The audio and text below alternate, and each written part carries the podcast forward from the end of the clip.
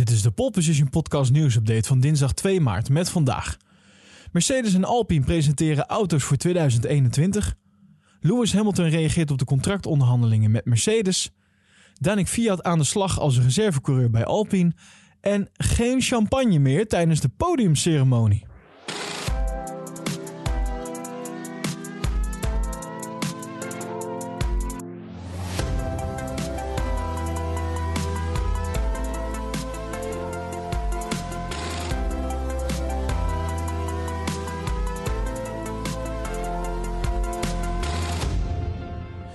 Mercedes die heeft vandaag de auto voor het komende seizoen gepresenteerd, de W12.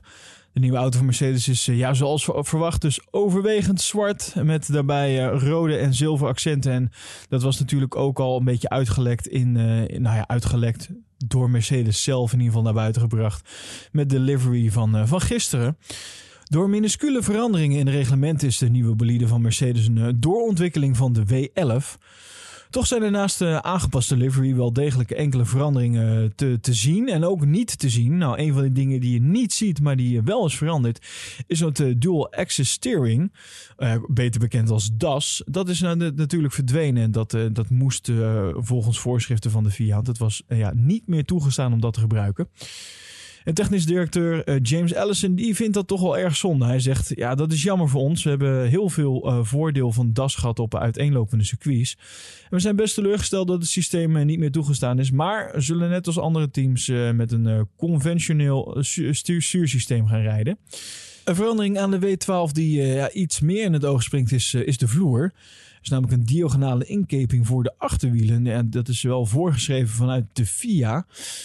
En James Allison zegt erover: ja, dat ontbrekende stukje van de vloer dat lijkt misschien niet zo ingrijpend, maar die verandering kan op zichzelf al een seconde per ronde kosten. Alle veranderingen bij elkaar opgeteld kunnen teams dit jaar in de meest pure vorm terugwerpen tot uh, rondetijden uit 2019. Het is voor ons een grote uitdaging geweest om in de voorbije maanden zoveel mogelijk van de verloren snelheid uh, terug te winnen. Een deel daarvan moet ook uit de doorontwikkelde krachtbon eh, komen voor Mercedes. Mercedes had op dat vlak uh, ja, eigenlijk best wel een enorme voorsprong ten opzichte van alle andere, andere teams. Maar met een engine freeze op komst uh, willen ze iedere gelegenheid om een progressie te boeken met beide handen nog aangrijpen. En ze zeggen erover, in het verleden had je steeds eh, drie momenten waarop je een motorische upgrade kon introduceren. Maar sinds afgelopen jaar heeft uh, iedere leverancier er nog maar eentje voordat het seizoen begint. Je kunt jezelf geen fout meer permitteren, terwijl je alle verbeteringen wel meteen in die ene upgrade moet stoppen. Nou, in een persbericht van het team laat James Allison ook weten: het zal per team verschillen wat er meegenomen wordt van, van de oude wagen. Dat is niet vastgesteld in het reglement. Het enige wat we met zekerheid kunnen zeggen is dat de, de wagens voor dit seizoen op significante vlakken hetzelfde gebleven zijn als in 2020. Maar dat kan per auto verschillen en is afhankelijk van de strategie voor het uitgeven van de tokens. Er zijn uh, ook een aantal zaken die je zonder het uitgeven van tokens uh, kunt wisselen. Bijvoorbeeld de, de power unit, uh, het koelsysteem en de ophanging en alle aerodynamische onderdelen. En we hebben onze tokens uitgegeven, maar we onthullen nog niet hoe we dat gedaan hebben. En dat wordt op een bepaald moment wel duidelijk. Dus Mercedes blijft toch nog wel een beetje geheimzinnig over hoe ze dit dan, uh, hoe ze hun tokens hebben ingezet. Nou, in tegenstelling tot de andere jaren wordt uh, de volledige wintertest uh, in drie dagen gehouden op het circuit van Bahrein. Dat is natuurlijk al eerder aan bod gekomen in, in deze podcast. En hoewel bepaalde teams zich wel zorgen maken over het feit dat ze ja, misschien niet genoeg tijd hebben, is bij Mercedes eigenlijk uh, totaal geen stress over deze korte voorbereidingstijd. Uh, het feit dat de meeste systemen onder uh, bodywork hetzelfde zijn gebleven, betekent dat we er, redelijk voor staan. We hoeven niet zoveel meters te maken als we normaal zouden doen, uh, zegt Allison. Daarmee kopen we meer tijd om het pakket over het algemeen sneller te maken en meer te leren over de banden.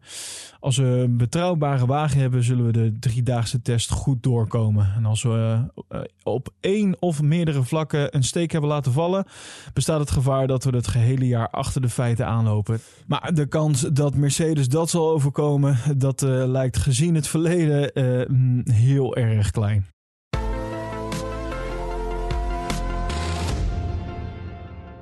En dan blijven we nog even bij Mercedes. Want uh, na maanden van onderhandelingen werd uh, verwacht dat uh, Lewis Hamilton en Mercedes toch wel een meerjarige deal zouden sluiten. Ook omdat dit best wel een beetje de uitgesproken intentie van beide partijen was. maar Hamilton die zegt dus nu dat de flexibiliteit van een kortere deal, dat hij dat toch wel erg kan waarderen. Zeker met al zeven titels op zak.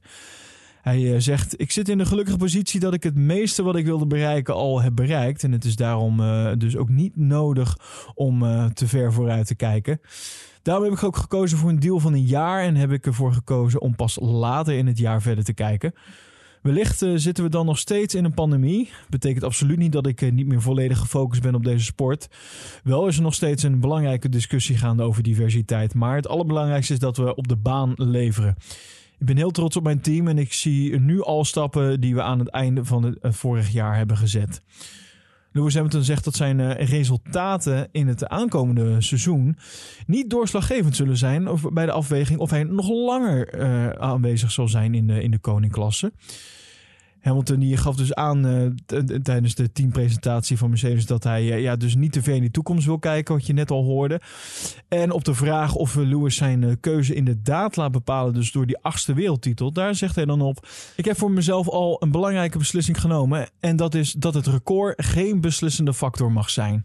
Ik ben ooit gaan racen omdat ik daarvan hield en dat moet altijd de kern blijven. Als die liefde weg is en ik puur met titels bezig ga zijn, juist dan zou ik mezelf verliezen, laat Hamilton weten aan motorsport.com. Natuurlijk is het een ultieme droom om die achtste titel te pakken, maar het is voor mij niet de beslissende factor richting de toekomst. Ik wil nog altijd die glimlach hebben als ik de garage uitrij.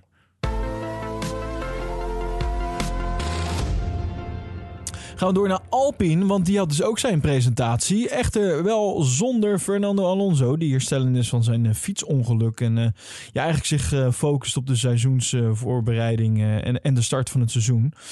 Esteban Ocon die was wel aanwezig en ook de nieuwe teambaas David Brivio. Die was aanwezig tijdens de presentatie van Alpine. waar zij de, de eerste Formule 1 auto presenteerden. Ja, dat is de A521. Uh, je hoort het trouwens ook goed, een nieuwe teambaas. Want ja, voor degenen die dat even hebben gemist, Cyril Abiteboul, die is in januari vertrokken. En David Brivio, die, uh, die heeft het roer overgenomen. En die is onder andere bekend uit de MotoGP. Want daar had hij vorig jaar best nog wel een groot succes met Suzuki. Waar hij de rijders- en teamstitel binnenhaalde. Dus dat ja, betekent veel goeds voor Alpine. Uh, ondanks dat de, de naam Alpine nieuw is in de Formule 1, is ja, het team zelf natuurlijk niet nieuw. Want uh, ja, de Franse formatie deed dus de afgelopen jaren als Renault mee in de Formule 1. En uh, Alpine heeft behalve een Renault motor ook wel een heel duidelijk Renault DNA. Want het is eigenlijk gewoon de, evolutie van de Renault van 2020. Dat is namelijk de basis, vertelt de Alpine-directeur Marcin Butkowski. Toch oogt de bolide van Alpine behoorlijk anders. En dat uh, komt dan vooral omdat het ja, gelijk met de naamswijziging ook ja, de kleur heeft aangepast. Het geel en het zwart van Renault. Dat is ingeruild voor een ja, een klein beetje zwart. Dat uh, gedomineerd wordt door de Franse vlag. Namelijk het blauw, wit en rood. Ja, en ik moet wel zeggen, ik vind de livery echt heel gaaf. Ik vind het er heel mooi uitzien. De presentatie van de A521, uh, dat uh, gebeurde via een soort virtual reality-achtig event. Nou, helemaal vlekkeloos ging die livestream overigens niet. Gelukkig hebben we nog wel Esteban Ocon aan het woord gehoord. En die zei: Ik vind dat de auto er schitterend uitziet. Als ik hem zie, ben ik er trots op om Frans te zijn. En ik kan niet wachten om achter het stuur te kruipen. Aan groep Renault-CEO eh, Luca de Meo, de, grote baas, die heeft uh, nou, wel hoge verwachtingen voor het Alpine Formule 1-team. Hij zegt: Ik weet zeker dat we weer podiumplekken gaan halen. Nou, Laurent Rossi, de CEO van Alpine, die, die is daar iets voorzichtig in in zijn woorden. Hij zei tijdens die online launch dat ons doel voor dit jaar is duidelijk: verder bouwen op het momentum dat we vorig jaar hebben opgebouwd en meevechten voor podiums. Op de lange termijn willen we de naam Alpine graag op de bovenste treden van, de formule, van het podium zien in de Formule 1. Kortom, met een nieuwe auto, althans een nieuwe auto, in ieder geval een hele nieuwe livery en een nieuwe naam. En uh, ja, toch wel het succes uh, van vorig jaar van Renault hoopte Alpine dus dit jaar hoge ogen te gooien tijdens het Formule 1 seizoen. Gaan we door naar Daniel Fiat. Want uh, Alpine die heeft uh, Daniel Fiat uh, gestrikt als reservecoureur voor 2021. De Rust die zal het team bijstaan en klaarstaan indien een van de vaste coureurs, Fernando Alonso of Esteban Ocon, dus niet kan rijden. En ja, dat is toch geen overbodige luxe. Want ja, je hoorde dus net al, en ook eerder in deze podcast, Alonso die was natuurlijk betrokken geraakt bij een fietsongeluk. En moest daarna ook een kaakoperatie ondergaan. En eh, ja, hij is wel hard bezig om eh, de seizoenstart gewoon te halen. Maar ja, het is toch best wel even een, eh, een factortje van onzekerheid. Daarnaast is het natuurlijk ook nog gewoon een voortdurende coronapandemie aan de gang. En ja, het kan dus geen kwaad om, om ja, toch wel een ervaren rijder als bijvoorbeeld Fiat in je stal te hebben als reserverijder. Danik Fiat is positief. Hij zegt ik verheug me erop me bij de Alpine F1-familie aan te sluiten. De 26-jarige coureur die eh, debuteerde in 2014 eh, voor Toro Rosso en reed daarna voor Red Bull. Vervolgens weer voor Toro Rosso en uh, ja, de opvolger van Toro Rosso eigenlijk Alfa Tauri. Fiat die lag er tussendoor wel een jaar uit waarin hij als test- en simulatorcoureur voor Ferrari aan de slag ging. En bij Ferrari waren ze best wel onder de indruk van zijn, uh, van zijn werk in die rol. En ook bij Alpine hoopt hij uh, ja, op die manier toch zijn steentje bij te kunnen dragen. Hij zegt: Dit team heeft uh, zich sterk ontwikkeld en ik wil daar mijn bijdrage aan leveren.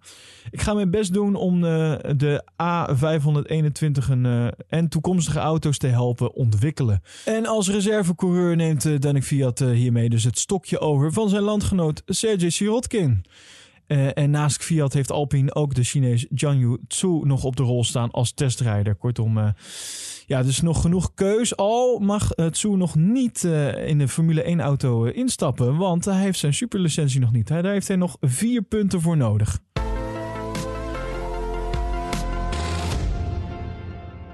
En dan tot slot uh, geen champagne meer tijdens de podiumceremonie. Ja, niet schrikken, maar het Italiaanse Ferrari Trento... dat wordt dit jaar namelijk de officiële alcoholleverancier uh, voor de festiviteit op het podium. En ja, met deze driejarige deal met Ferrari Trento... breekt de Formule 1 met een jarenlange traditie, namelijk champagne. Want die wordt namelijk ingeruild voor een, ja, gaat u er even voor zitten... een mousserende wijn. Ja, toch zijn de Italianen geen onbekenden in de Formule 1. In het verleden was Ferrari Trento namelijk ook eens de leverancier van uh, bubbels tijdens de Italiaanse Grand Prix op het circuit in Monza. Ze zeggen er zelf ook over. In 1981 stonden we ook op het podium in Monza. We hebben dan ook uh, prachtige foto's van die tijd met geweldige kampioenen. Ze hebben Ferrari dus al geproefd, vertelt uh, Simone Maze directeur van de Lunelli Groep, waar uh, Ferrari Trento uh, deel van uitmaakt. Nu we officiële partners zijn, kunnen we niet wachten om weer terug te keren.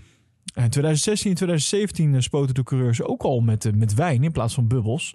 In de periode dat de Chandon de officiële leverancier was. Maar halverwege 2017 werd Carbon de sponsor en keerde daarmee de champagne weer terug op het podium. Formule 1-directeur Stefano Domenicali ligt niet zo wakker van het feit dat er geen champagne meer zal worden gespoten op het podium. Hij zegt uh, het gaat om de kwaliteit van het product en het bedrijf. Dat staat voorop en dat is de reden waarom we deze samenwerking uh, tot stand hebben laten komen.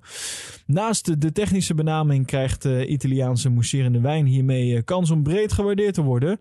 En de Formule 1 biedt daarvoor het juiste podium. Ja, de, de drie gelukkige coureurs die op het podium mogen staan, uh, die zullen wel nog tot de tweede race op Imola moeten wachten. Totdat ze ja, zelf uh, de, de mousserende wijn kunnen proeven. Want uh, tijdens de eerste race in Bahrein wordt er namelijk geen alcohol toegestaan op het, op het podium. En zullen de podiumfinishes genoegen moeten nemen met, ja, je weet het misschien inmiddels al, het bekende rozenwater.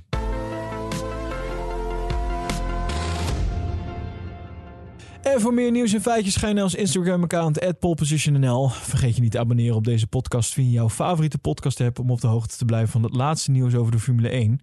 En vind je deze updates nou leuk en wil je ons financieel steunen? Kijk dan even op petje.af slash poleposition voor alle mogelijkheden en leuke bonussen.